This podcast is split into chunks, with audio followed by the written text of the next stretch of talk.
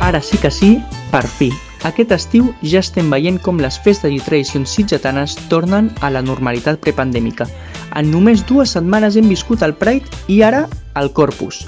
Jo només puc fer que celebrar el que això significa pels més joves de Sitges. La tornada dels principals actes de la cultura sitgetana tenen una gran influència en com el jovent pot viure la festa, però també en com aquesta influeix el propi jovent en el seu vessant més personal. I és que podem estar més o menys a favor del model d'oci del Pride, però sense cap mena de dubte és un espai de diversitat, on tothom és acceptat i que ja és una icona de llibertat. Aquest és un aspecte molt important per aconseguir un jovent lliure i divers sexualment, sense por a mostrar-se com és i estimar com vulgui, i construir societats més inclusives.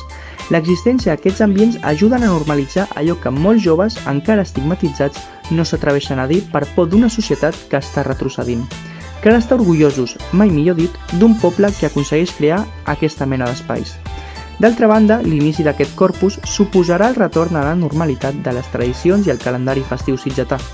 Després de dos anys, molts infants viuran per primera vegada la plenitud d'aquesta festa. El poder gaudir d'ella, sumat al gran treball que està fent la comissió amb nens i joves, amb l'exemple de l'àlbum, suposa un pas més vers la consolidació i el futur de les tradicions.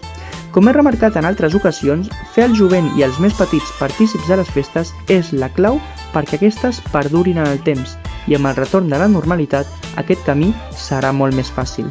Per tant, celebrem que les festes i les tradicions sitgetanes ja tornen a ser aquí i que són i sempre seguiran sent imprescindibles pels joves.